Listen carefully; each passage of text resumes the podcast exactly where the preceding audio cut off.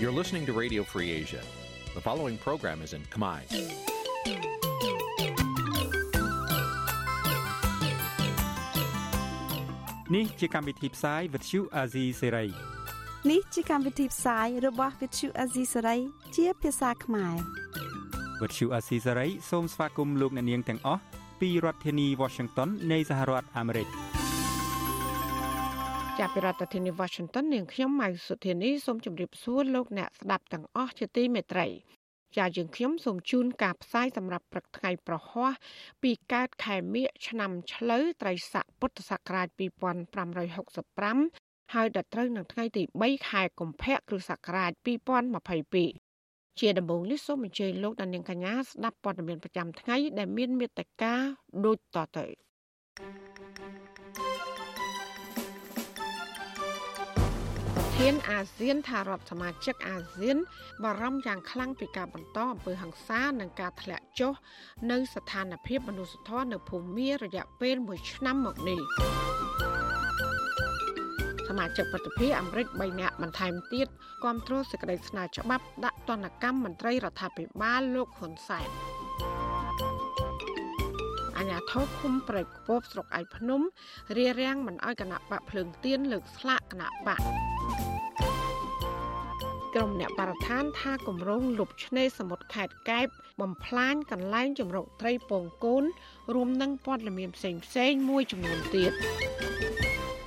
ចាត់ជាបន្តទៅទៀតនេះនាងខ្ញុំម៉ៃសុធានីសូមជូនព័ត៌មានទាំងនោះពឺស្ដាប់ អ្នកវិភាគនិងអ្នកសិក្សាភូមិសាស្ត្រនយោបាយសង្កេតឃើញថារដ្ឋាភិបាលលោកនាយករដ្ឋមន្ត្រីហ៊ុនសែនដែលជាប្រធានអាស៊ាន កំពុងបន្ទន់ចំហក្នុងវិបត្តិនៅមីយ៉ាន់ម៉ាឬភូមាដោយងាកទៅធ្វើតាមអ្វីដែលក្រុមប្រទេសជាសមាជិកអាស៊ាន បានព្រមព្រៀងគ្នាឡើងវិញ។ ការលើកឡើងនេះក្រោយដែលប្រធានអាស៊ានបានចេញសេចក្តីថ្លែងការណ៍លើកទី1របស់ខ្លួន ដោយបញ្ជាក់ជំហរថាប្រទេសសមាជិកអាស៊ានជំរុញឲ្យអាជ្ញាធរនៃរបបសឹកភូមាអនុវត្តតាមកិច្ចព្រមព្រៀង5ចំណុចរបស់កិច្ចប្រជុំអាស៊ាន កាលពីខែមេសាឆ្នាំ2021ចាអ្នកស្រីសុជីវីរាយការណ៍ព័ត៌មាននេះដូចតទៅរដ្ឋាភិបាលក្រោមការដឹកនាំរបស់លោកហ៊ុនសែន បើទោះជាមិនបានបញ្ជាក់ច្បាស់ពីជំហររបស់ខ្លួនក្នុងនាមជាប្រធានអាស៊ាននៅក្នុងសេចក្តីថ្លែងការណ៍លើកដំបូងរបស់ខ្លួនក៏ដោយក៏ទំនងជាចង់បញ្ជាក់ថា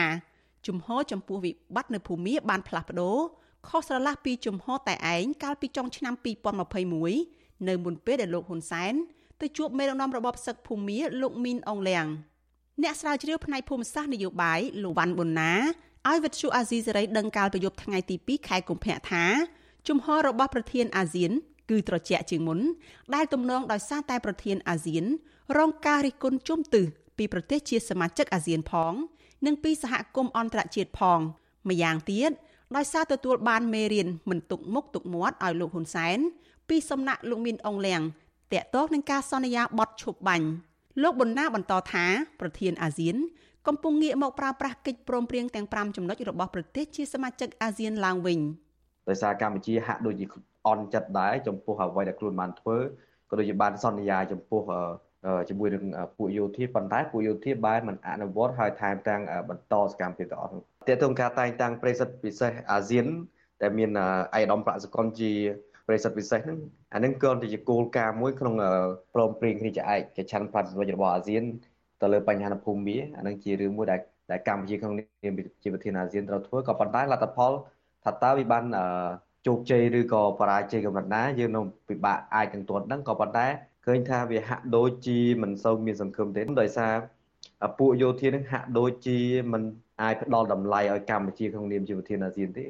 កម្ពុជាដែលជាប្រធានអាស៊ានបានចេញសេចក្តីថ្លែងការណ៍លើកដំបូងកាលពីថ្ងៃទី2ខែកុម្ភៈបន្ទាប់ពីបានចូលកាន់តំណែងនេះបានមួយខែ សេចក្តីថ្លែងការណ៍ស្តីពីស្ថានភាពនៅមីយ៉ាន់ម៉ាក្នុងរយៈពេល1ឆ្នាំក្រោយអំពើរដ្ឋប្រហារនៅភូមាមិនបានថ្លែងចំចំដោយប្រើពាក្យរដ្ឋប្រហារនោះទេសេចក្តីថ្លែងការណ៍នោះក៏មិនបានបង្ហាញពីជំហរផ្ទាល់របស់ប្រធានអាស៊ានដែរផ្ទុយទៅវិញ បានបញ្ជាក់សារឡើងវិញ ពីជំហររបស់ប្រទេសជាសមាជិកអាស៊ាន ក្នុងនោះរួមមាន ក្តីបារម្ភពីការវិវត្តនានានៅភូមារួមទាំងការបន្តកើនឡើងនៅអំពើហិង្សា និងការធ្លាក់ចុះស្ថានភាពសិទ្ធិមនុស្ស ការជំរុញឲ្យអាជ្ញាធររបបសឹកភូមាមានសកម្មភាពជាក់លាក់អនុវត្តពេញលេញកិច្ចព្រមព្រៀង5ចំណុចរបស់សមាជិកអាស៊ាន ដែលបានព្រមព្រៀងគ្នាកាលពីខែមេសាឆ្នាំ2021ព្រមទាំងសម្រួលឲ្យប្រិស័ទពិសេសរបស់អាស៊ាន ដែលមានរដ្ឋមន្ត្រីការបរទេសកម្ពុជាលោកប្រាក់សុខុនជាប្រធានបានជួបគ្រប់ភាគីនយោបាយភូមិទាំងអស់ក្នុងពេលធ្វើទស្សនកិច្ចលើកដំបូងនៅពេលខាងមុខឲ្យបានឆាប់រហ័សតាមដែលអាចធ្វើទៅបាន ប្រពន្ធដដែលបន្តថាសមាជិកអាស៊ានបដិញ្ញាចិត្តនឹងត្រៀមលក្ខណៈរួចជាស្រេចដើម្បីជួយដល់មីយ៉ាន់ម៉ាស្របតាមឆន្ទៈនៃប្រជាពលរដ្ឋនៃប្រទេសនេះផ្អែកលើបទដ្ឋានច្បាប់របស់អាស៊ានដែលមានស្រាប់ឆន្ទៈពិតប្រាកដរបស់ប្រជាពលរដ្ឋភូមានេះមិនត្រូវបានលោកហ៊ុនសែនលើកមកនិយាយទេ កាលពីពេលដែលលោកទៅធ្វើទស្សនកិច្ចដល់ជំរងចម្រាស់ដើម្បីគ្រប់គ្រងមេដឹកនាំរបបសឹកភូមា កាលពីដើមខែមករាកន្លងទៅ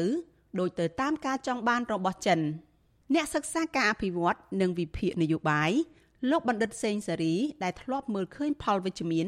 ពីការលូកដៃរបស់លោកហ៊ុនសែនទៅដោះស្រាយបញ្ហាភូមិនោះយល់ថាតាមរយៈសេចក្តីថ្លែងការណ៍នេះកម្ពុជា ហាក់បន្ថយការយកចិត្តទុកដាក់របស់ខ្លួនទៅលើបញ្ហានៅភូមិលោកបារម្ភថា កម្ពុជាអាចទុកបញ្ហានេះបន្តទៅប្រធានបដូវវេនអាស៊ានបន្ទាប់ទៀតហើយបញ្ហាអំពើហិង្សា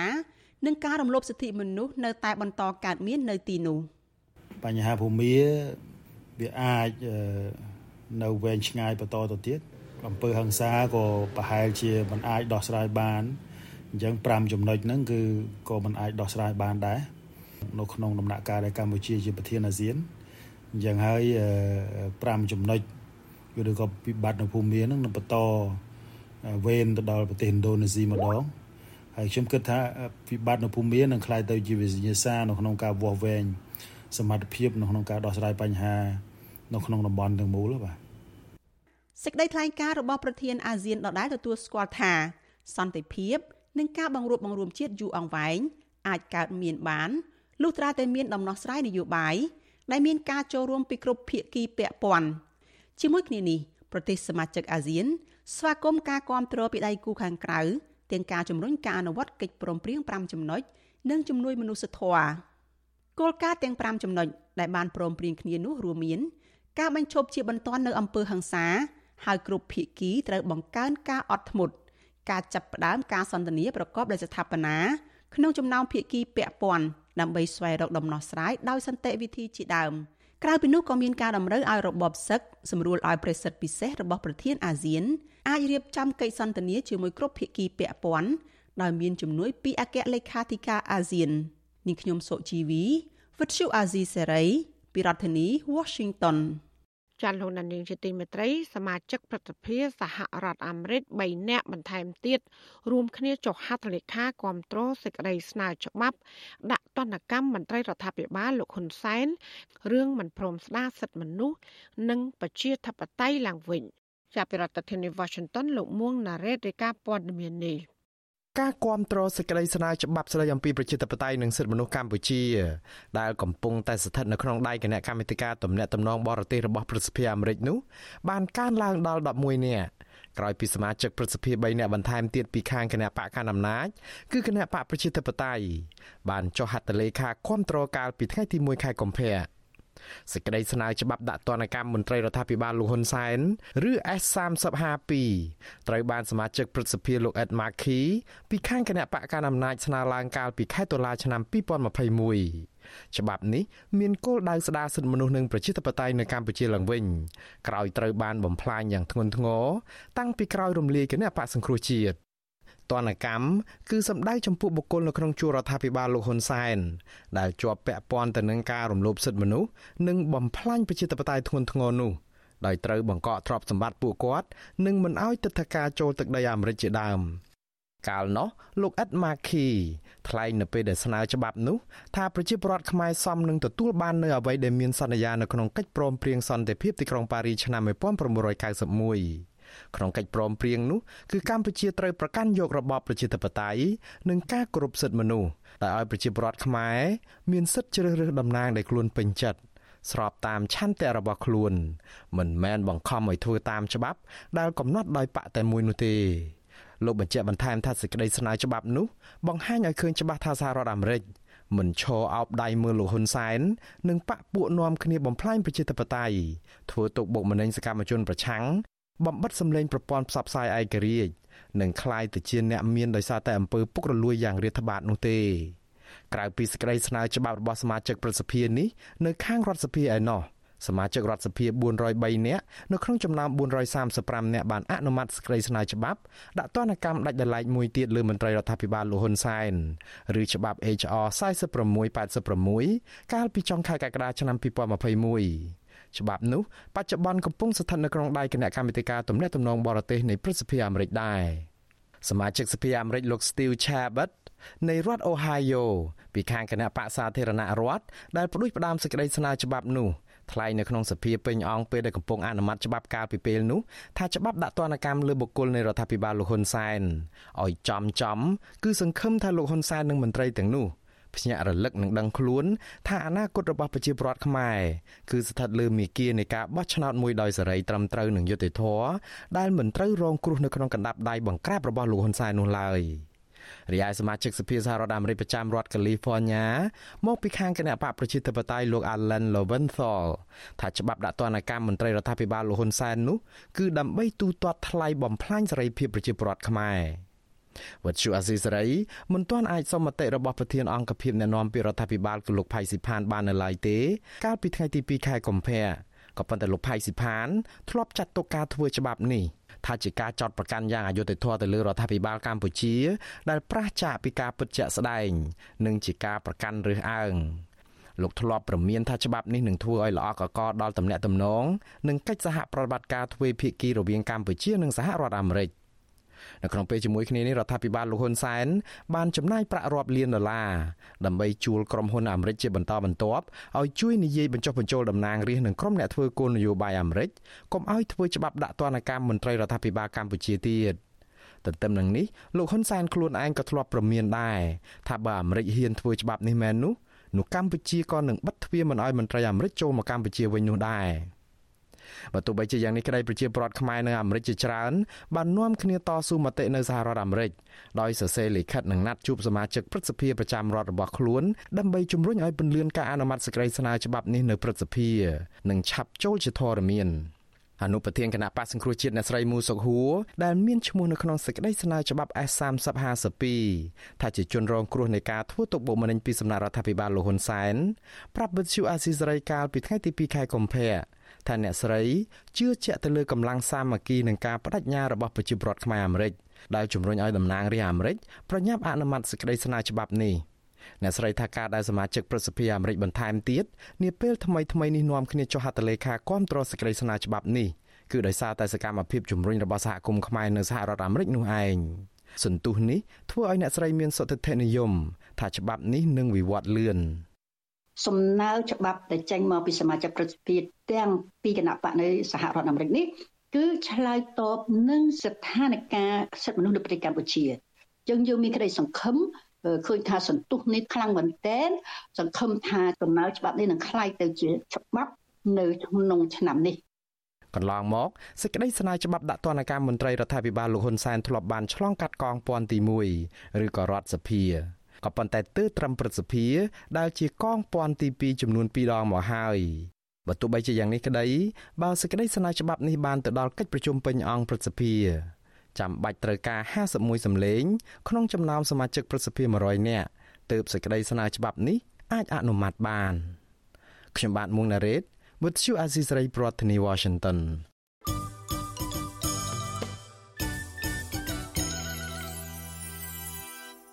ចាលោកនានីជាទីមេត្រីមន្ត្រីសិទ្ធិមនុស្សវាតម្លៃថាសវនាការលោកកឹមសុខានឹងអាចប្រើពេលយូរថែមទៀតដែលប៉ះពាល់ដល់សិទ្ធិសេរីភាពខាងនយោបាយរបស់មេដឹកនាំបពប្រឆាំងរូបនេះការលើកឡើងនេះបន្ទាប់ពីតឡាការក្រុងភ្នំពេញបានលើកជោគសំណុំរឿងលោកកឹមសុខាមកជំនុំជម្រះបន្តទៀតកាលពីថ្ងៃទី2ខែកុម្ភៈម្សិលមិញក៏ប៉ុន្តែសវនាការលើកទី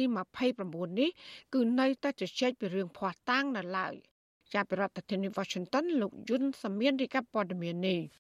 សំណុំរឿងមេគណៈបកប្រឆាំងលោកកឹមសុខាតាក់ទងទៅនឹងបទក្បត់ជាតិនេះទំនងជាត្រូវប្រើពេលវេលាវែងឆ្ងាយតទៅមុខទៀតព្រោះមកទល់ពេលនេះទៅហើយសវនាការនៅតែបន្តជជែកពីរឿងភ័ស្តុតាងដោយមិនទាន់អាចឈានចូលទៅដល់ការជជែកលើអង្គសេចក្តីនៅឡើយទេសវនាការសប្តាហ៍នេះជាការបង្ហាញភ័ស្តុតាងរបស់ក្រមមេធាវីការពារក្តីឲ្យលោកកឹមសុខា សហមេធាវីការពារក្តីឲ្យលោកកឹមសុខាអ្នកស្រីមេងសុភារីប្រាប់អ្នកសារព័ត៌មានក្រោយចេញពីបន្ទប់សវនាការថាក្រុមមេធាវីបានបង្ហាញភ័ស្តុតាងជាវីដេអូឃ្លីបចំនួន6នៅក្នុងចំណោមភ័ស្តុតាងសរុប28ដែលបានដាក់ជូនតុលាការកាលពីពេលកន្លងទៅអ្នកស្រីបញ្ជាក់ថាក្រុមមេធាវីបានឡើងថ្លែងការពីភ័ស្តុតាងទាំងនោះដោយមិនមានការដេញដោលលើអង្គហេតុណាមួយនោះទេ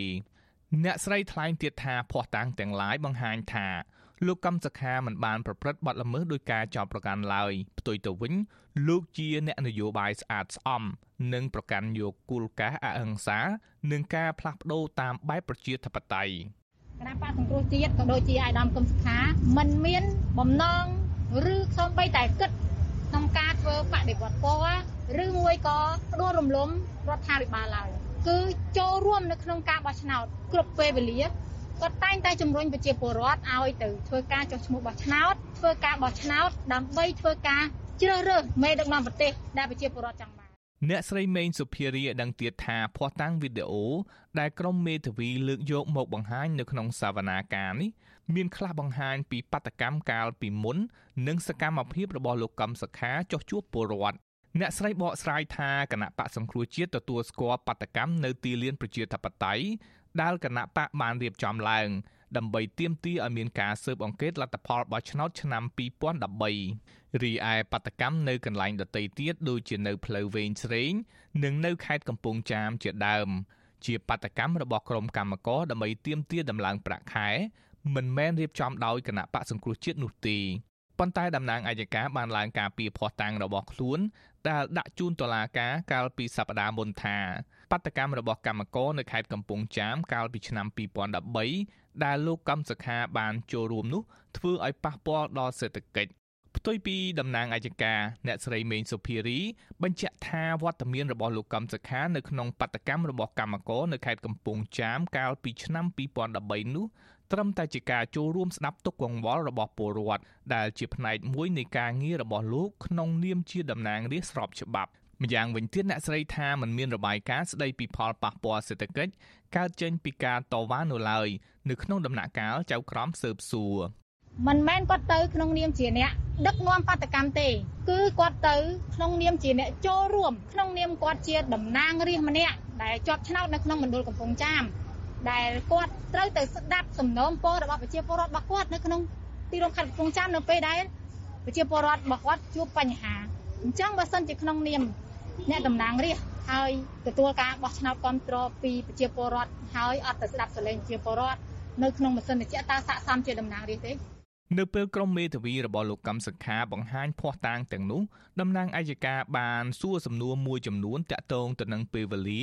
និងឲ្យមេធាវីបញ្ជាក់ពីភាពត្រឹមត្រូវនៃភ័ស្តុតាងទាំងនោះ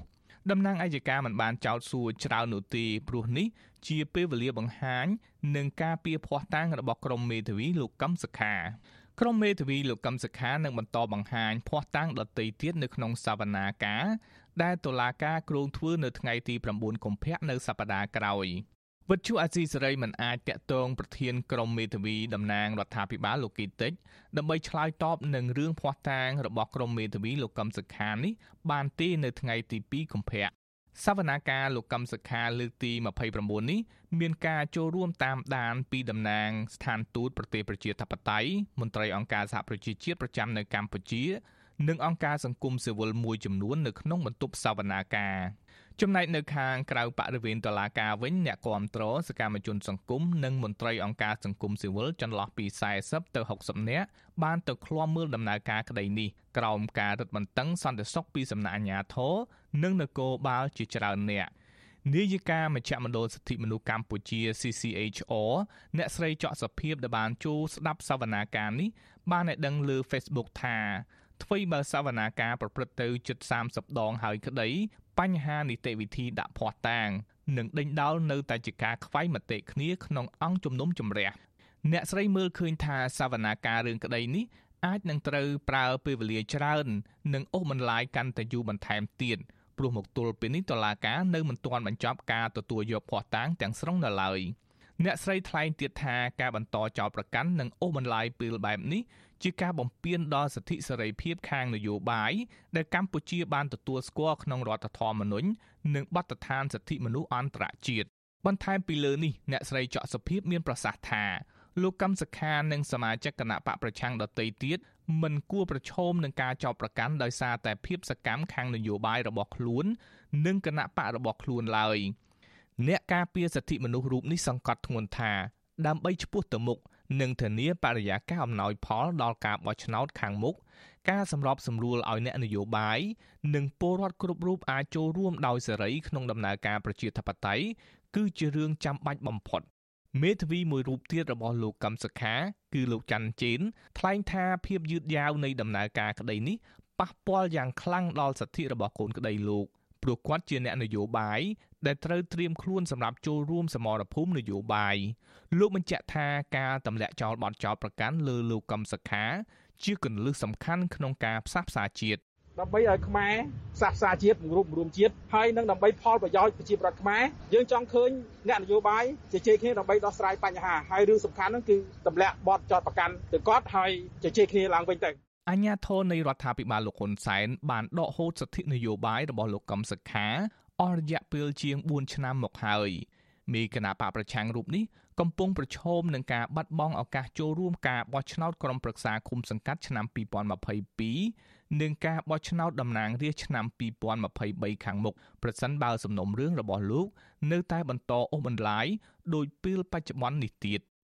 ខ្ញុំយុនសាមៀនវុទ្ធុអាស៊ីសេរីប្រធានាធិបតី Washington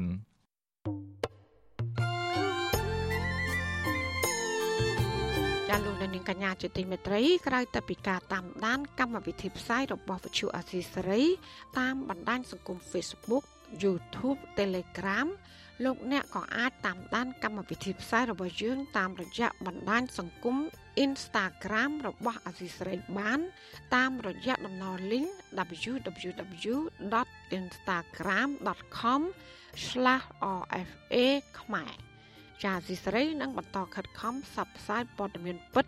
ទៅកាន់បងប្អូនតាមរយៈបណ្ដាញសង្គមផ្សេងផ្សេងនិងសម្បូរបែប ដើម្បីឲ្យលោកអ្នកនាងងាយស្រួលតាមដានការផ្សាយរបស់អសីស្រីគ្រប់ពេលវេលា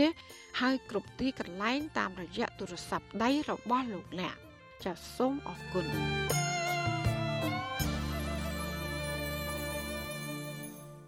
លោកនានីជាទីមេត្រីនៅឯខេត្តបាត់ដំបងអនុវិញ អាញាធរឃុំប្រែកខ្ពបស្រុកឯកភ្នំរារាំងមិនអោយគណៈបកភ្លើងទៀនលើកស្លាកគណៈបកនៅមុខផ្ទះប្រជាប្រដ្ឋនៅថ្ងៃទី2ខែកុម្ភៈចាអនុប្រធានគណៈបកភ្លើងទៀនខេត្តបាត់ដំបងលោកភូសវណ្ណថាប្រាប់វត្ថុស៊ីស្រីថាគណៈបកលោកបានដាក់លិខិតជូនដំណឹងទៅមេឃុំរួចហើយកាលពីថ្ងៃទី1ខែកុម្ភៈ ប៉ុន្តែដល់ថ្ងៃលើកស្លាកអាញាធរឃុំ បានមករារាំងដោយបង្ខំឲ្យម្ចាស់ផ្ទះនិងគណៈបកធ្វើកិច្ចសន្យាជាមួយនឹងអាញាធរឃុំជំនុនសិនលោកភូសវណ្ណថាចាត់ទុកករណីនេះថាជាការរដ្ឋបិទសិទ្ធិភាពខាងនយោបាយច្បាប់បោះឆ្នោត ដោយបង្កការលំបាកមិនឲ្យគណៈបកនយោបាយជាពិសេសគឺគណៈបកគូប្រជែងជាមួយនឹងគណៈបកកាន់អំណាចធ្វើសកម្មភាពចូលរួមប្រកួតប្រជែងការបោះឆ្នោតឲ្យបានត្រឹមត្រូវនោះឡើយ។ ហើយវាអត់ស្មារតីគ្នាជាមួយគណៈបកនយោបាយដែលមានច្បាប់ធ្វើសកម្មភាពនៅលើទឹកដីកម្ពុជានេះដោយគណៈបកផ្សេងគេអាចលើកស្លាកបានសេរីទាក់ទងនឹងផ្ទះឯកជនក៏ដោយផ្លូវសាធារណៈក៏ដោយរីឯគណៈបកភ្លើងទៀនមានការរឹតបន្តឹងទាក់ទងការលើកស្លាកសូម្បីតែលើកស្លាកនៅទីមុខផ្ទះសកម្មជនរបស់គណៈបកភ្លើងទៀនក៏ទាមទារលក្ខខណ្ឌឯកសារឲ្យផ្សេងៗ វត្ថុអសីស្រីមិនអាចតាក់ទងអាជ្ញាធរឃុំប្រែកខ្ពបស្រុកឯកភ្នំ ដើម្បីបកស្រាយជំវិញបញ្ហានេះបាននៅឡើយទេនៅថ្ងៃទី2ខែកុម្ភៈគណៈបកភ្លើងទៀនខេត្តបាត់ដំបងឲ្យដឹងថានេះជាលើកទី3ហើយដែលអាជ្ញាធរខេត្តនេះបានរារាំងមិនឲ្យគណៈបកភ្លើងទៀនលើកស្លាកឲ្យបានត្រឹមត្រូវ កន្លងទៅរដ្ឋមន្ត្រីក្រសួងមហាផ្ទៃលោកសខេងបានបញ្ជាទៅអាជ្ញាធរពាក់ព័ន្ធឲ្យបង្កលក្ខណៈងាយស្រួលដល់គ្រប់សកម្មភាពគណៈបកនយោបាយដោយគ្មានការរើសអើងនិងប្រកាន់បពុះដើម្បីជំរុញឲ្យដំណើរការបោះឆ្នោតជ្រើសរើសក្រុមប្រឹក្សាឃុំសង្កាត់នៅពេលខាងមុខគឺប្រព្រឹត្តទៅដោយត្រឹមត្រូវសេរីនិងយុត្តិធម៌ក៏ប៉ុន្តែសាររបស់លោកសខេងនេះ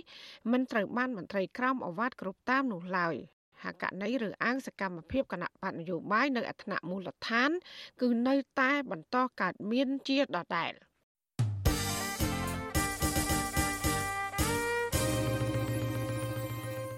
ចាលោកនាងជាទីមេត្រីព្រះមហាក្សត្រនឹងយាងចូលរួមពិធីបើកព្រឹត្តិការណ៍ប្រកួតកីឡាអូឡ িম্প ិករដូវរងានៅទីក្រុងប៉េកាំងប្រទេសចិន នៅព្រឹកថ្ងៃប្រហ័សទី3ខែកុម្ភៈនេះ ប្រកាសណាប្របាទសម្ដេចព្រះបរមនាថនរោត្តមសីហមុនីនឹងគង់ប្រថាប់នៅទីក្រុងប៉េកាំងរហូតដល់ថ្ងៃទី5ខែកុម្ភៈទើបយាងត្រឡប់មកកម្ពុជាវិញ។ទីភ្នាក់ងារសារព័ត៌មានកម្ពុជាអាកាពេបានត្រង់សម្ដីអ្នកនាំពាក្យក្រសួងការបរទេសចិនលោកហ្សាវលីឈៀនថាព្រះករណាព្រះមហាក្សត្រគឺជាមិត្តចាស់របស់ប្រជាជនចិន មន្ត្រីការទូតចិនរូបនេះថាកម្ពុជា គឺជាប្រទេសជិតខាងដ៏ល្អរបស់ចិន ហើយបានគ្រប់គ្រងយ៉ាងមុតមមចំពោះភាគីចិន ដែលជាម្ចាស់ផ្ទះនៃការរៀបចំកីឡាអូឡ িম্প ពិករដូវរងានេះប្រទេសចិនគឺជាម្ចាស់ផ្ទះនៃការរៀបចំព្រឹត្តិការណ៍កីឡាអូឡ িম্প ិកក្នុងរដូវរងាលើកទី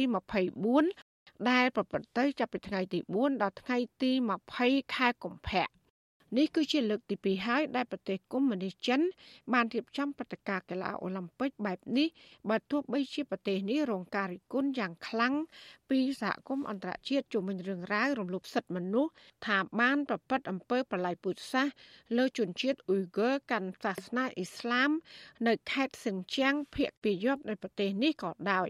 កាលពីឆ្នាំ2008ប្រទេសចិនបានរៀបចំព្រឹត្តិការណ៍កីឡាអូឡ িম্প ិករដូវក្តៅជាលើកដំបូង។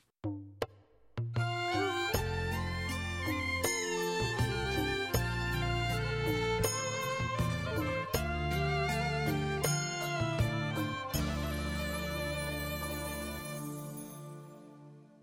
ចាលោកនាងជាទីមេត្រីតឡាការខេត្តប្រវត្តិហាក៏ហៅប្រជាសហគមន៍ការពីប្រៃព្រះរកាម្នាក់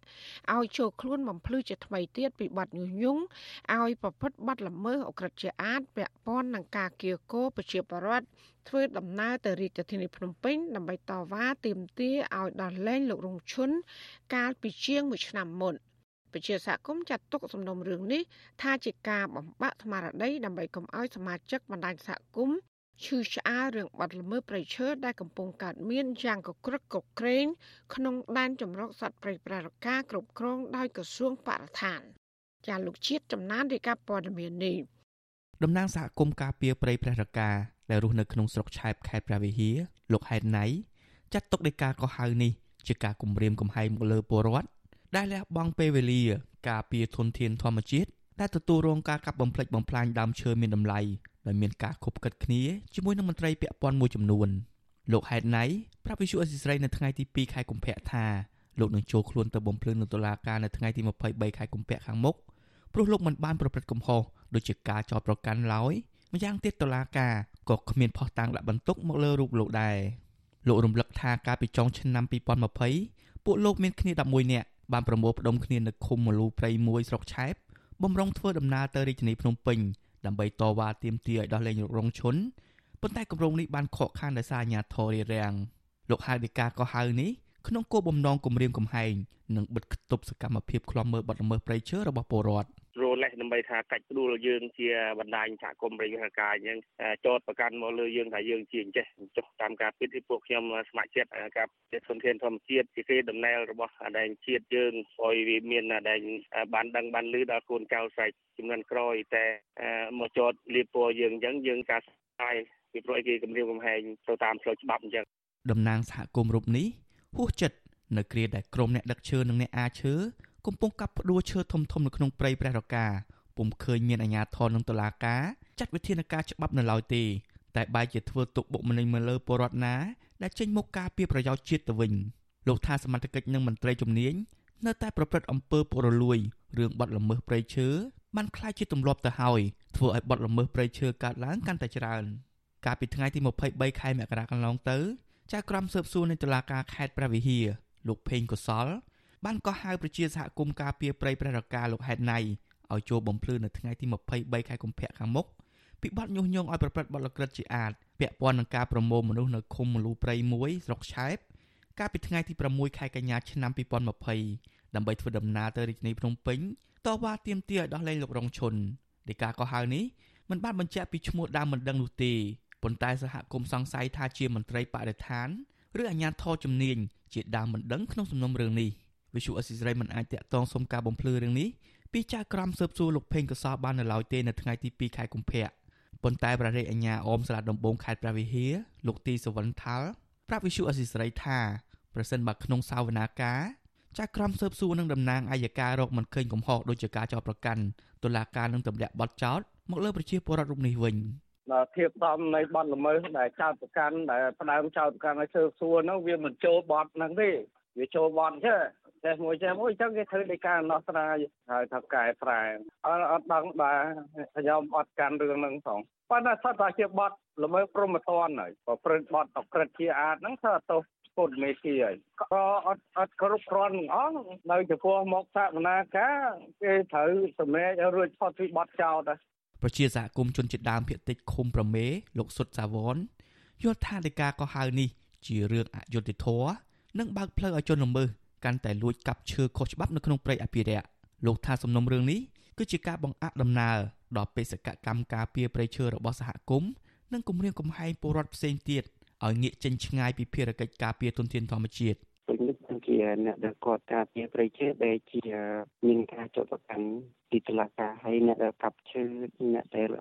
ជួញដូរឈើឬមួយក៏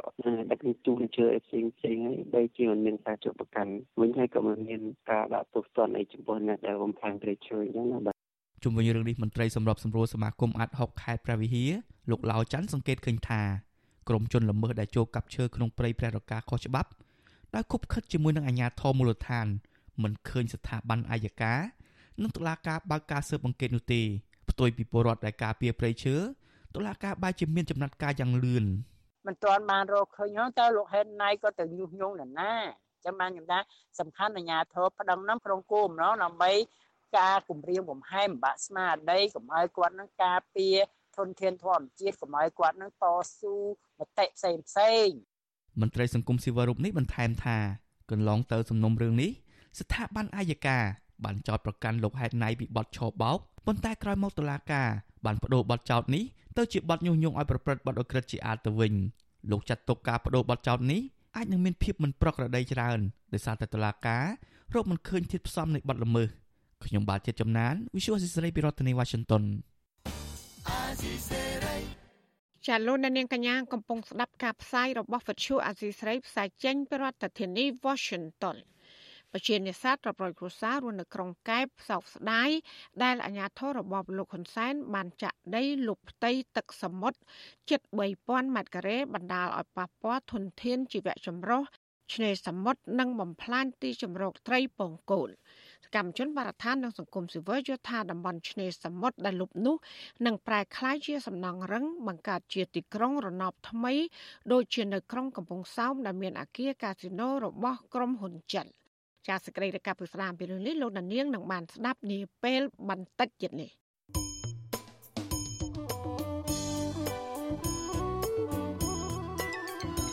លោកដានៀងកញ្ញាកំពុងស្ដាប់ការផ្សាយរបស់វិទ្យុអាស៊ីស្រីផ្សាយចេញពីរដ្ឋធានី Washington ជាវិទ្យុអសីស្រីផ្សាយតាមរលកធាតុអាកាសខ្លីឬ short wave តាមកម្រិតនិងកម្ពស់ដូចតទៅពេលព្រឹកចាប់ពីម៉ោង5កន្លះដល់ម៉ោង6កន្លះ តាមរយៈរលកធាតុអាកាសខ្លី9390 kHz ស្មើនឹងកម្ពស់ 32ម៉ែត្រហើយនឹង11850 kHz ស្មើនឹងកម្ពស់ 25ម៉ែត្រចាសម្រាប់ពេលយប់វិញចាប់ពីម៉ោង7កន្លះដល់ម៉ោង8កន្លះគឺតាមរយៈរលកធាតុអាកាសខ្លី9390 kHz ស្មើនឹងកម្ពស់ 32ម៉ែត្រ ហើយនឹង15155 kHz ស្មើនឹងកម្ពស់ 20ម៉ែត្រចាសសូមអរគុណ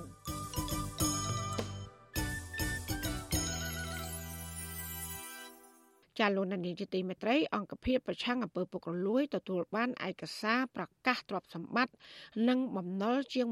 14000ច្បាប់ ពីមន្ត្រីរាជការជាប់កាតព្វកិច្ចក្នុងអំឡុងខែមករាឆ្នាំ2022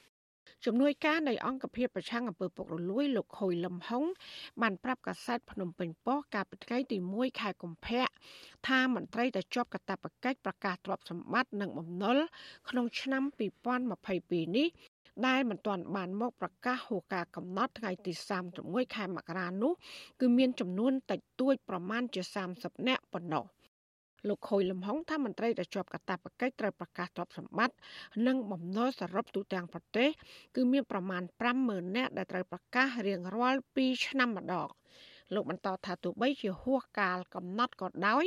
ក៏អង្គភាពប្រឆាំងអំពើពុករលួយ នៅតែបន្តទទួលយកឯកសារប្រកាសទ្រព្យសម្បត្តិប្រសិនបើមានហេតុផលសមរម្យក៏ប៉ុន្តែចំពោះអ្នកកិច្ចវេះនឹងទទួលរងបណ្ដឹងតាមច្បាប់នៅតុលាការ កាលពីឆ្នាំ2011រដ្ឋាភិបាលកម្ពុជា បានប្រកាសឲ្យមន្ត្រីរាជការគ្រប់បណ្ដាស្ថាប័នទាំងអស់ត្រូវប្រកាសទ្រព្យសម្បត្តិជាលើកដំបូងហើយអ្នកដែលជាប់កាតព្វកិច្ចរួមមាន សមាជិកប្រតិភិសមាជិករដ្ឋសភា និងសមាជិករដ្ឋាភិបាលព្រមទាំងមន្ត្រីសាធារណៈដែលមានអាណត្តិជ្រើសតាំងដូចជាចៅក្រមបរិយាអាញាសាការីកលាបញ្ជី និងអាញាសាលាជាដើម ចំណែកបុគ្គលិកនៃអង្គភាពប្រឆាំងអំពើពុករលួយមន្ត្រីរាជការស៊ីវិលយោធានគរបាលជាតិនិងអ្នករាជការសាធារណៈផ្សេងទៀតដែលត្រូវបានតែងតាំងដោយបរិយាក្រិតឬអនុក្រឹតគឺតម្រូវឲ្យប្រកាសទ្រព្យសម្បត្តិនិងបំណុលផងដែរ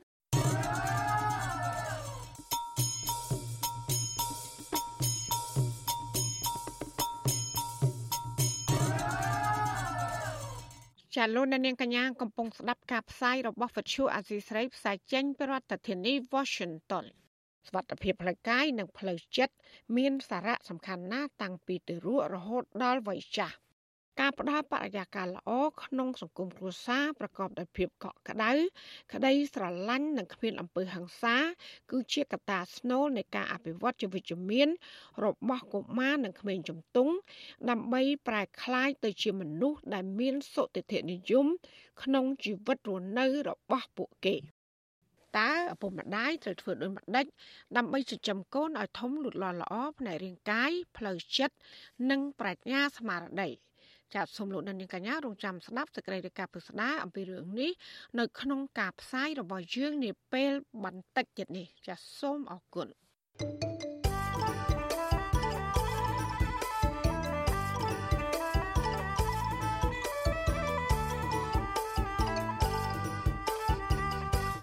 ចាលោកអ្នកស្ដាប់ជាទីមេត្រីប៉ូលីសនៅខេត្តបរសៃហនុ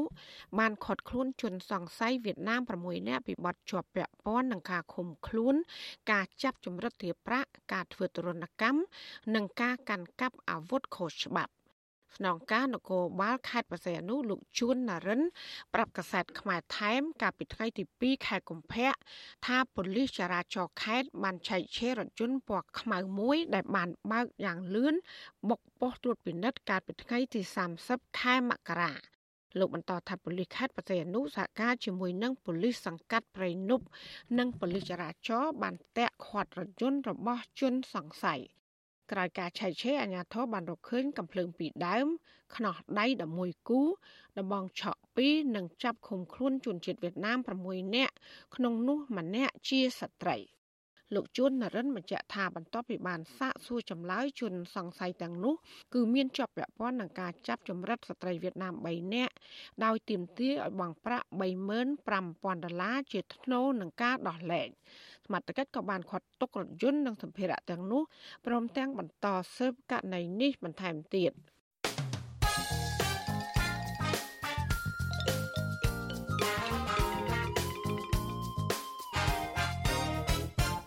ចាលោកនាងជាទីមេត្រីប្រជានេសាទរាប់រយខូសារស់នៅក្រុងកែបសោកស្ដាយទង្វើរបស់អាញាធររបបលោកហ៊ុនសែនដែលបានចាក់ដីលុបផ្ទៃទឹកសមុទ្រជិត3000ម៉ែត្រការ៉េ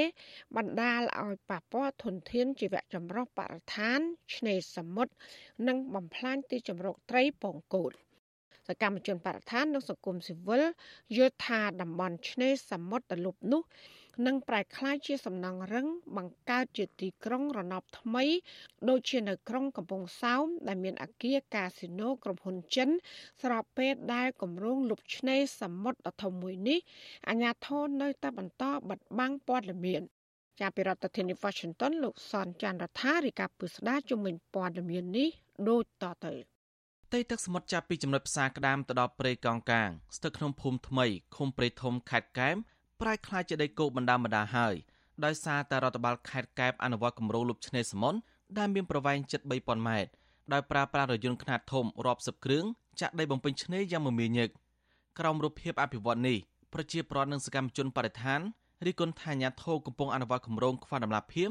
ដែលគ្មានការសិក្សាពីផលប៉ះពាល់បរិស្ថានព្រមទាំងបានបំផ្លាញភូមិទ្របជាតិធនធានជីវៈចម្រុះ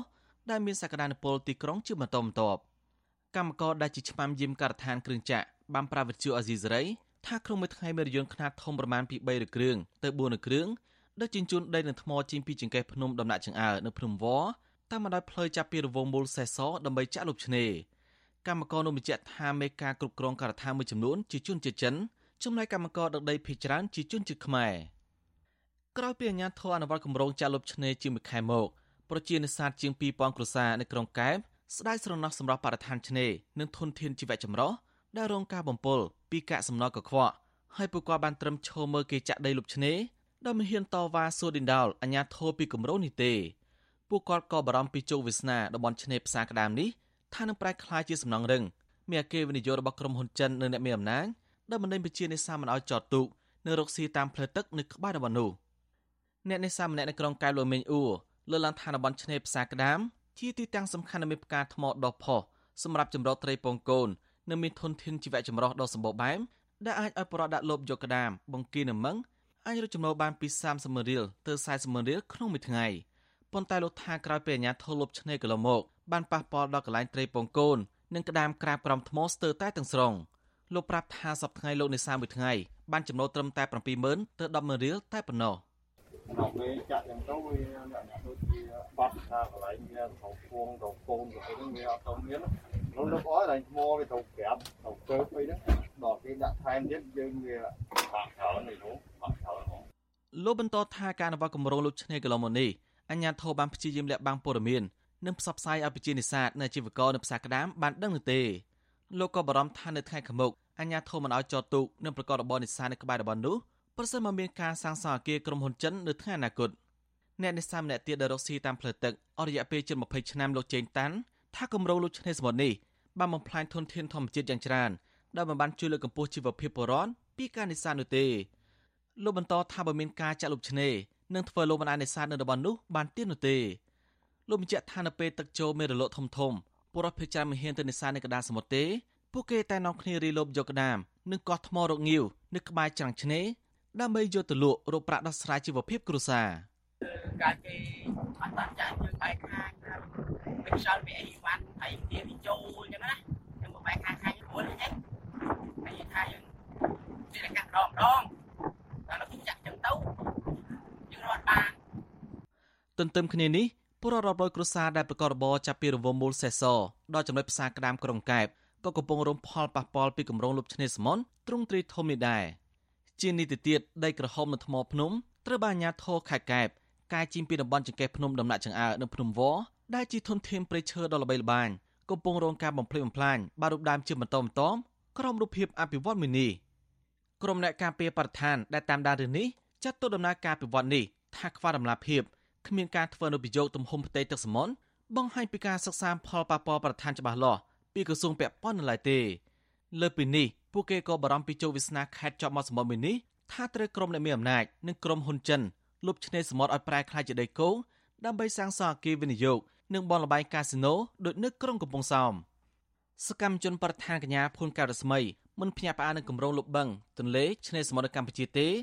ដោយសារវាកាត់ឡើងជាបន្តបន្ទាប់នឹងបានបង្កផលប៉ះពាល់ដល់ពលរដ្ឋនិងធនធានធម្មជាតិយ៉ាងច្រើន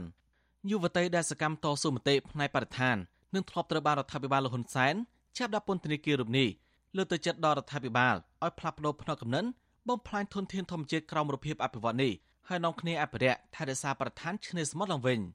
កញ្ញាបន្តថារដ្ឋាភិបាលគួរតែមានការផ្សព្វផ្សាយឲ្យប្រព័ន្ធបណ្ដឹងកុំឲ្យមានមន្ទិលសង្ស័យពីគម្រោងនេះកញ្ញាទៀមទាឲ្យគិតគូរពីធនធានធម្មជាតិជីចម្បងហើយគិតគូរពីប្រព័ន្ធមូលដ្ឋានដើម្បីលើកកម្ពស់ជីវភាពរបស់ពួកគាត់ ថាភិបាលផ្ទាល់ដែលគាត់អត់បានយកចិត្តទុកដាក់ជាមួយធនធានធម្មជាតិនៅក្នុងស្រុកយើងដែលប្រទេសខ្លះគេអត់មានធនធានទាំងអស់នឹងដូចយើងឯហើយគេមកលេងគេស្រឡាញ់គេអីអញ្ចឹងប៉ុន្តែខាងរដ្ឋាភិបាលក៏ដូចជាមិនបានមានមោទនភាពមួយការមានធនធានធម្មជាតិស្អាតស្អាតទាំងអស់នឹងមានឆ្នេរដ៏ល្អដែលមិនបាច់កែច្នៃមានភ្នំមានប៉ុន្តែយើងមើលឃើញថារដ្ឋាភិបាលក៏ដូចអត់បានយកចិត្តទុកដាក់ក្នុងការការពារការថែរក្សានៅទ្រព្យសម្បត្តិធនធានធម្មជាតិទាំងអស់ហ្នឹងគាត់គិតថាប្រហែលជាប្រទេសយើងហ្នឹងសម្បូរអាគារនៅលើឆ្នេរហើយតែព្រោះអាគារហើយអាចនឹងបហូរទឹកលូចូលទៅសមុទ្រនឹងទៀតហ្នឹងវាជាការលើកមុខលើកមាត់របស់ប្រទេសឬមួយក៏យ៉ាងណាវិទ្យុអាស៊ីសេរីមិនតន់សុំការថាតបាយពីគម្រោងនេះពីអ្នកនាំពាក្យក្រសួងរៀបចំដែនដីនគររូបនីយកម្មនៅសំណង់លោកសេងលូននិងអ្នកនាំពាក្យក្រសួងបរិស្ថានលោកណេតភេត្រាបានណឡៃទេគឺត្រឹមថ្ងៃទី29ខែមករាចំណែកឯអភិបាលខេត្តកែបលោកសំពិសិនក៏វិទ្យុអាស៊ីសេរីមិនតន់សុំការបញ្ជាក់បន្ថែមបានណឡៃទេដោយហៅទូរស័ព្ទចូលតែគ្មានអ្នកទទួលនៅថ្ងៃទី1ខែកុម្ភៈ ប៉ុន្តែអ្នកនាំពាក្យសាលាខេត្តកែបលោកវ៉ាវសុខាបានប្រាប់វិទ្យុអេស៊ីសេរីយ៉ាងខ្លីថាគម្រោងនេះគណៈកម្មការប្រវត្តិបនឆ្នេរសមុទ្រកម្ពុជាជាអ្នករៀបចំដោយក្រុងចាក់ដីដើម្បីពង្រីកសក្តានុពលតំបន់កំសាន្តគម្រោងវាមានតែប៉ុណ្្នឹងម៉ែត្រគេបិទប៉ាណូប៉ុណ្ណាណៃលើកពី3កន្លែងនោះឃើញយើងមើលមើលយើងមើលក្នុងគម្រោងដែរបាទតែមានការចុះហត្ថលេខាពីថ្នាក់ជាតិហ្នឹងគេនិយាយពីទី1គេធ្វើលេខាតំបន់សួនច្បារប៉ុណ្ណាជុំវិញរឿងនេះប្រធានផ្នែកស្រាវជ្រាវនៅតស៊ូមតិនៃសមាគមបណ្ដាញយុវជនកម្ពុជាលោកហេកំហុង បារម្ភពីផលប៉ះពាល់ចំពោះបរិស្ថាននិងបរិមូលដ្ឋានស្របពេលដែលគម្រោងមីនេះលេចចេញជារូបរាងហើយអាជ្ញាធរតាមព្យាយាមលាក់បាំងព័ត៌មានពីការអភិវឌ្ឍនេះលោកសង្កត់ធនថាអាជ្ញាធរនៅក្រសួងពាក់ព័ន្ធគួរតែពិនិត្យតំបន់មានចម្រុះត្រីពងកូននៅតំបន់ដែលបរដ្ឋធ្វើនេសាទមិនគួរចាក់ដីលុបឆ្នេរបែបនេះទេ គឺជារឿងមួយដែលយើងមានការព្រួយបារម្ភដែលរដ្ឋាភិបាលក៏ដូចជាក្រុមហ៊ុនទទួលមកការអភិវឌ្ឍហ្នឹងគឺតែងតែធ្វើការអភិវឌ្ឍដោយបថុយបឋានបាទហើយតើតើមានការតវ៉ាពីពលរដ្ឋបានមានបញ្យលផ្សព្វផ្សាយជាដើមនេះគឺមិនមែនជាចំណុចល្អទេក្នុងនាមខ្ញុំជាអ្នកធ្វើកិច្ចការសង្គមខ្ញុំមិនចង់ឃើញការអភិវឌ្ឍបែបនេះទេបាទជារឿងមួយហាក់បីដូចជាយកជីវភាពប្រជាពលរដ្ឋដែលរស់នៅតំបន់នោះមកសាកល្បងជាមួយនឹងការអភិវឌ្ឍមួយដ៏បថុយបឋានដែលធ្វើឲ្យពួកគាត់ជាពលរដ្ឋបាត់បង់ទាំងជីវភាពនិងរស់នៅក្នុងស្ថានភាពស្បិចស្បិលក្រោយពីបាត់ទីតាំងដែលខ្លួនធ្លាប់រស់ស៊ីគណៈកម្មការប្រវត្តិតំបន់ឆ្នេរសមុទ្រកម្ពុជា កាលពីថ្ងៃទី12ខែសីហាឆ្នាំ2021បានសម្រេចអភិវឌ្ឍចាក់ដីលើឆ្នេរសមុទ្រដែលមានទទឹងជា100ម៉ែត្រនិងម្ដៅជិត3000ម៉ែត្រគឺស្មើនឹងប្រមាណ350,000ម៉ែត្រការ៉េឬស្មើនឹងទំហំផ្ទៃដី35ម៉ែតាដើម្បីប្រែក្លាយជាតំបន់ដីគោកដោយក្រុងចាក់ដីខ្សាច់ពង្រីកតំបន់ឆ្នេរកំសាន្តដាំដើមឈើនិងរៀបចំសួនច្បារជាដើមនាយកប្រតិបត្តិអង្គការម្ដាយការពារទន្លេ3លោកលៀមមលៀមមានប្រសាសន៍ថាការចាក់ដីលើផ្ទៃទឹកសមុទ្រ បានបង្កផលប៉ះពាល់ដល់ប្រព័ន្ធអេកូឡូស៊ីធនធានជីវៈចម្រុះក្នុងទឹកប្រសិនបើរដ្ឋាភិបាលមិនបានសិក្សាវិតម្លៃពីសារធាតុគីមីពីដីក្រហមនៅថ្មភ្នំនិងសិក្សាពីជម្រៅទឹកសមុទ្រឲ្យបានច្បាស់លាស់ទេលោកបានថែមថាផលប៉ះពាល់ខ្លាំងគឺចរន្តផ្ទៃទឹកបំរែបំរួលអាកាសធាតុមិនប្រក្រតីនិងការហិនហោចដល់ពពួកត្រីដែលរងការពុលពីកាកសំណល់កខ្វក់និងសារធាតុគីមីលើពីនេះលោកបារម្ភថាបើថ្ងៃខាងមុខតំបន់នោះប្រែក្លាយជាសំណង់អគារវិនិយោគរបស់ក្រុមហ៊ុនឯកជន វារឹតតែអយុត្តិធម៌សម្រាប់ប្រជានិស្សានដែលធ្លាប់អាស្រ័យផលទីមប្រាក់ចំណូលពីតំបន់នោះថ្មីត្បិតតែជារឿងគម្រោងរបស់រដ្ឋមែនបើសិនជារដ្ឋគាត់ធ្វើដោយមានតម្លាភាពគឺគឺជារឿងមួយដែលយើងបាត់បង់ទៅតែវាចំណេញមកដល់ប្រជារាស្ត្រក៏ប៉ុន្តែបើសិនជាវាជារឿងមួយដែលជាផ្នែកមួយរបស់ឯកជនគម្រោងរបស់រដ្ឋមានគម្រោងមកតែឯកជនជាអ្នកអភិវឌ្ឍជាអ្នកអីគឺវានៅតែចំណូលបានទៅផ្នែកឯកជនខ្លាំងជាជាងយើងបាត់បង់ពីរបស់របស់ប្រជាពលរដ្ឋរួមទាំងអស់គ្នានេះកន្លងទៅ អញ្ញាធរខេត្តកែបង្ហាញថាគម្រោងអភិវឌ្ឍនេះដើម្បីបម្រើផលប្រយោជន៍រួមរបស់ពលរដ្ឋក៏ប៉ុន្តែសកម្មជនបរិស្ថាននិងប្រជាពលរដ្ឋបារម្ភពីតំបន់ឆ្នេរសមុទ្រក្រុងកែមថាយប្រែក្លាយជាទីក្រុងទំនើបគ្រប់គ្រងកាន់កាប់ដោយក្រុមឈ្មួញជនជាចិនការលុបឆ្នេរសមុទ្រក្រំស្លាកអភិវឌ្ឍដោយនៅខេត្តបរសេនុបានកើនឡើងជាបន្តបន្ទាប់ស្របពេលដែលកំណើនជនជាតិចិនមានការកើនឡើងយ៉ាងគំហុកទន្ទឹមគ្នានេះអញ្ញាធិក៏បានបណ្ដេញបរដ្ឋលក់ដូរតាមមាត់ឆ្នេររាប់រយគ្រួសារក្រុមហេតុផលរៀបចំសម្ដាប់ធ្នាប់ និងអភិវឌ្ឍទៅជាបនលបែងកាស៊ីណូនិងសន្តាគាររបស់ក្រុមហ៊ុនចិនជាដើមខ្ញុំសនចាររថាវិទ្យុអេស៊ីសេរីរាយការណ៍ពីរដ្ឋធានីវ៉ាស៊ីនតោន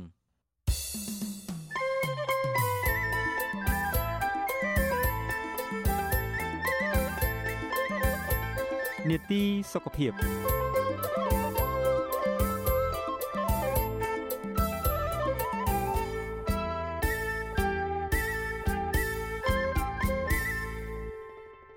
ចាលោកដានៀងជាទីមេត្រីសវត្ថភាពផ្លូវកាយផ្លូវចិត្ត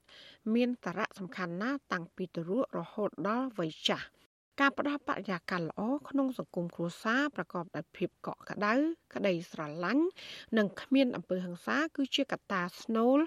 នៃការអភិវឌ្ឍជីវិតជំនាញរបស់កុមារនិងក្មេងជំទង់ដើម្បីប្រែក្លាយទៅជាមនុស្សដែលមានសុតិធិនិយមក្នុងជីវិតរស់នៅរបស់ពួកគេ។ តើឪពុកម្ដាយត្រូវធ្វើដូចម្ដេចខ្លះដើម្បីចិញ្ចឹមកូនឲ្យធំលូតលាស់ល្អផ្នែករាងកាយផ្លូវចិត្តនិងប្រាជ្ញាស្មារតីចានៅក្នុងនេតិសុខភាពប្រចាំសប្តាហ៍នេះនាងខ្ញុំសូមរាយការណ៍ជូនពុស្ដាជំនាញព័ត៌មាននេះដូចតទៅ ក្រុមគ្រូពេទ្យជំនាញផ្នែកសុខភាពកុមារឲ្យដឹងថាភាពលូតលាស់ល្អផ្នែករាងកាយ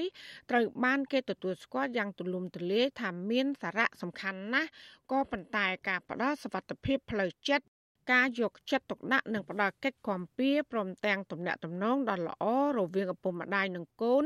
គឺជាឱកាសដ៏ពិសេសពិសាសម្រាប់ជួយដល់ការអភិវឌ្ឍការយល់ដឹង និងអាកប្បកិរិយាវិជ្ជមានរបស់កុមារនិងក្មេងជំទង់។ ក្រៅទៅពីការផ្ដល់ក្តីស្រឡាញ់ដ៏គ្មានលក្ខខណ្ឌឪពុកម្ដាយគ្រប់រូបត្រូវយល់ដឹងអំពីផ្នែកវិជ្ជសាស្ត្រដើម្បីចិញ្ចឹមកូនតាមវិធានការសមស្របទៅតាមអនាម័យនិងការថែរក្សាការពារកូនឲ្យបានល្អចាប់តាំងពីថ្ងៃដែលកូនកើតរហូតដល់វាធំដឹងក្តីទង្វើទាំងនេះនឹងជួយឲ្យកូនមានការអភិវឌ្ឍល្អទាំងផ្នែករាងកាយផ្លូវចិត្តនិងបញ្ញាស្មារតី ម្ចាស់ Clinic មេតានៅរាជធានីភ្នំពេញលោកវិជ្ជបណ្ឌិតហៀងរតនាមានប្រសាសន៍ប្រាប់វិទ្យុអសីស្រីថាពុកម្ដាយត្រូវតែមានផែនការគ្រួសារឲ្យបានច្បាស់លាស់ដោយផ្អែកលើកម្រិតជីវភាពគ្រួសារមានទីជម្រកសមរម្យនិងពេលវេលាគ្រប់គ្រាន់សម្រាប់កូនថែមទៀតផង។ ចាលោកបច្ចបណ្ឌិតបន្តថាពុកម្ដាយមានតួនាទីសំខាន់ណាស់ក្នុងការចិញ្ចឹមបីបាច់ថែរក្សាកូនអប់រំនិងណែនាំដល់កូនជាពិសេសគឺមានលទ្ធភាពផ្គត់ផ្គង់អាហារហូបចុកគ្រប់គ្រាន់និងឲ្យកូនបានទៅសាលារៀនដើម្បីចិញ្ចឹមកូនល្អដែលទាមទារសំខាន់ដំបូងផុតហ្នឹងគឺទឹកចិត្តឪពុកម្ដាយដែលស្រឡាញ់កូនពិតប្រាកដហើយមួយទៀតកត្តាជីវភាពគ្រួសារកត្តាសង្គមហ្នឹងគឺសំខាន់ណាស់និយាយថាពេលខ្លះពួកគាត់បង្កើតកូនមកដល់មានផែនការច្បាស់លាស់ ជាពិសេសអ្នកក្រីក្រកូនច្រើនដល់ពេលអញ្ចឹងគាត់អត់មានសមត្ថភាពគ្រប់គ្រាន់ពួកគាត់អត់មានចំណេះដឹងក្នុងការបង្ហាត់បង្រៀនកូនអត់មានទាំងថវិកាដើម្បីផ្គត់ផ្គង់កូនឲ្យបានទាំងការរៀនសូត្រទាំងរបបអាហារក៏មិនបានគ្រប់គ្រាន់អញ្ចឹងធ្វើឲ្យក្មេងហ្នឹងប៉ះពាល់ផ្នែករាងកាយនិងបញ្ញាស្មារតីអង្គការសុខភាពពិភពលោកអះអាងថាកុមារភាពនិងវ័យជំទង់គឺជាដំណាក់កាលសំខាន់នៃជីវិត សម្រាប់សុខភាពផ្លូវចិត្ត ហើយដែលនេះគឺជាពេលវេលាចាំបាច់សម្រាប់ការលូតលាស់និងការអភិវឌ្ឍយ៉ាងឆាប់រហ័សក្នុងខួរក្បាលកុមារនិងក្មេងជំទង់ទទួលបានជំនាញការយល់ដឹងនិងអារម្មណ៍ល្អរឹងប៉ឹងគឺជាកត្តាកំណត់សុខភាពផ្លូវចិត្តរបស់ពួកគេនៅពេលអនាគត ដែលមានសារៈសំខាន់សម្រាប់ទូនីតិជាមនុស្សពេញវ័យក្នុងសង្គម។ ការរស់នៅក្នុងបរិយាកាសគ្រួសារនិងសង្គមប្រកបដោយសុវត្ថិភាពនិងមានគុណភាព គឺជួយកុមារនិងក្មេងជំទង់ទទួលបាននូវសុខុមាលភាពល្អទាំងផ្នែករាងកាយផ្លូវចិត្តនិងការអភិវឌ្ឍបញ្ញាស្មារតីប្រកបដោយវិជ្ជមានក៏ប៉ុន្តែប្រសិនបើពួកគេជួបបទពិសោធន៍អវិជ្ជមាននៅវ័យក្មេងដូចជាអំពើហិង្សាក្នុងគ្រួសារភាពរើសអើងភាពក្រីក្រ និងវិបត្តិក្នុងគ្រួសារឬនៅសាលារៀនជាដើមនោះ គឺនឹងនាំឲ្យពួកគេជួបបញ្ហាសតិអារម្មណ៍ធ្ងន់ធ្ងររួមមាន ការធ្លាក់ទឹកចិត្តការថប់អារម្មណ៍និងបញ្ហាអាកប្បកិរិយាជាដើមចាគ្រូពេទ្យជំនាញឯកទេសទូទៅលោកវិជ្ជបណ្ឌិតហៀងរតនាសង្កត់ធ្ងន់ថានៅក្នុងសង្គមកម្ពុជាបច្ចុប្បន្នក្រុមគូសាជាច្រើនដែលមានជីវភាពរស់នៅក្រីក្រកូនកូនរបស់ពួកគេច្រើនតែមានបញ្ហានៅពេលដែលពួកគេធំដឹងក្តី។ ចាក្មេងជំទង់ខ្លះមិនបានទៅរៀនសូត្រប៉ុន្តែបែរទៅជាខ្សែគប់មិត្តភ័ក្តិមិនល្អប្រើប្រាស់គ្រឿងញៀនប្រព្រឹត្តអំពើហិង្សាដែលបញ្ហាទាំងនេះ គឺបង្កភាពលំបាកកាន់តែខ្លាំងឡើងខ្លាំងឡើងដល់ក្រុមគូសាននិងសង្គមជាតិថែមទៀតផងព្រោះថាស្រុកខ្មែរយើងដែលមានជីវភាពមានកម្រិតហ្នឹងគឺច្រើនមែនតើអ្នកដែលមានជីវភាពទូទៅនេះគឺតិចណាស់ស្រុកខ្មែរយើងហងៃពេលអញ្ចឹងឪពុកម្ដាយ ដែលមិនល្អមិនប្រកែកូនមកក៏ទៅតាមនឹងដែរព្រោះអីព្រោះក្មេងមិនទទួលបានទាំងការអប់រំមិនបានល្អការរៀនសូត្របានល្អការហូបចុកអីនឹងមិនបានគ្រប់គ្រាន់គឺក្មេងអត់ស្លាប់ទេអញ្ចឹងយើងឃើញថាភាគច្រើនកតាក្មេងទំនឹងមានគ្រឿងញៀនក្មេងដើរសុំទៀតហ្នឹងយើងឃើញថានៅភាគច្រើននៅតាមប្លុកតាមតំបន់អ្នកដែលមានជីវភាពក្រីក្រច្រើនព្រោះក្មេងងាយនឹងប៉ះពាល់ប៉ះគិតផ្លូវចិត្តសូម្បីតែឪពុកម្ដាយឆ្លោះគ្នាក្នុងគ្រួសារញឹកញាប់ ការប្រាហិង្សាលើក្មេងអីទាំងអស់នោះគឺសិតតែប៉ះពាល់ដល់ក្មេងប៉ះពាល់ដល់ធំរបាយការណ៍អធិការកិច្ចឆ្នាំ2018របស់អង្គការ UNICEF បានរកឃើញថាកុមារម្នាក់ក្នុងចំណោមកុមារ2នាក់គឺទទួលរងការវាយដំធ្ងន់ធ្ងរ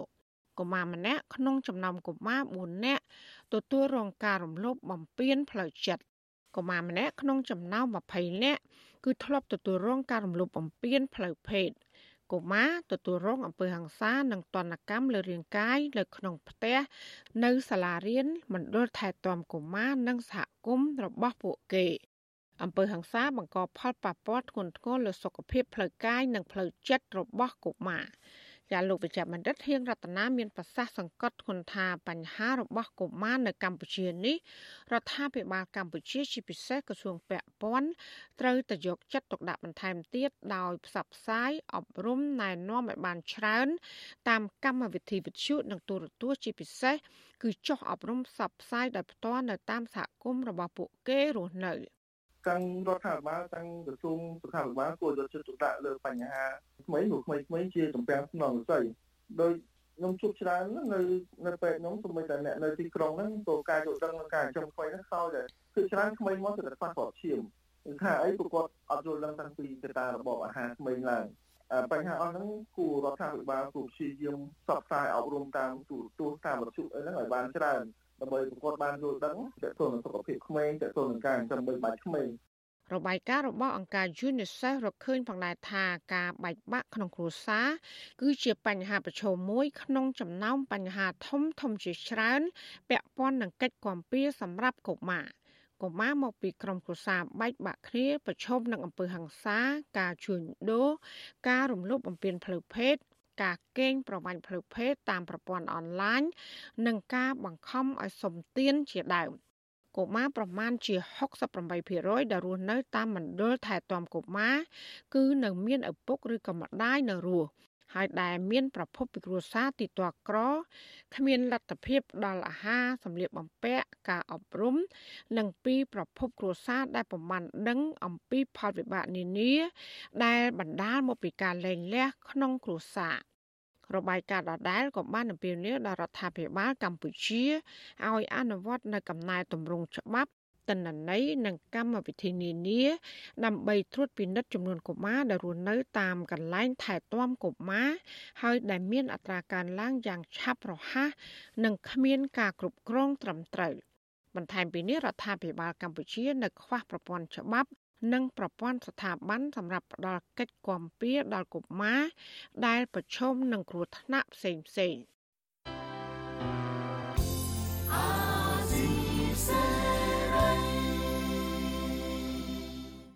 ចាលោកលានកញ្ញាអ្នកស្ដាប់ជាទីមេត្រីការផ្សាយរយៈពេល1ម៉ោងរបស់វិទ្យុអាស៊ីស្រីជាភាសាខ្មែរនៅពេលនេះចាប់តែប៉ុណ្ណេះ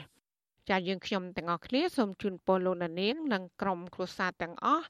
សូមជួបប្រកបតែនឹងសេចក្តីសុខសេចក្តីចម្រើន ជានិរន្តរ៍ចាននាងខ្ញុំម៉ៃសុធានីព្រមទាំងក្រុមការងារទាំងអស់របស់អសីស្រីសូមអរគុណនិងសូមជម្រាបលា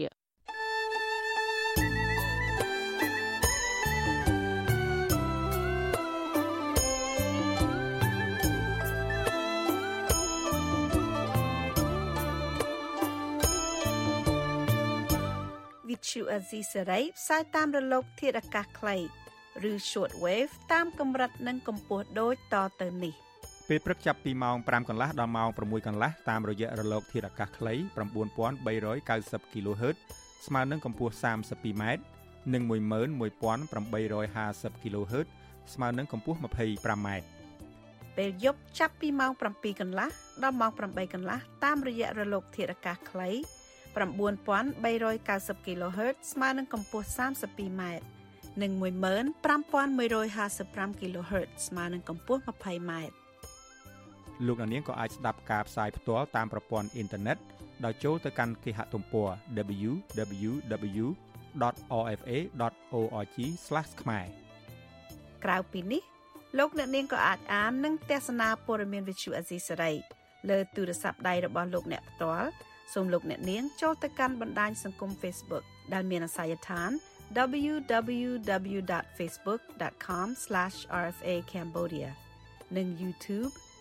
www.youtube.com/rfa ខ្មែរ video សូមលោកអ្នកនាងចុច like និងចុច subscribe ដើម្បីទទួលបានព័ត៌មានថ្មីៗទាន់ហេតុការណ៍និងទស្សនាវីដេអូផ្សេងៗទៀតបានគ្រប់ពេលវេលា។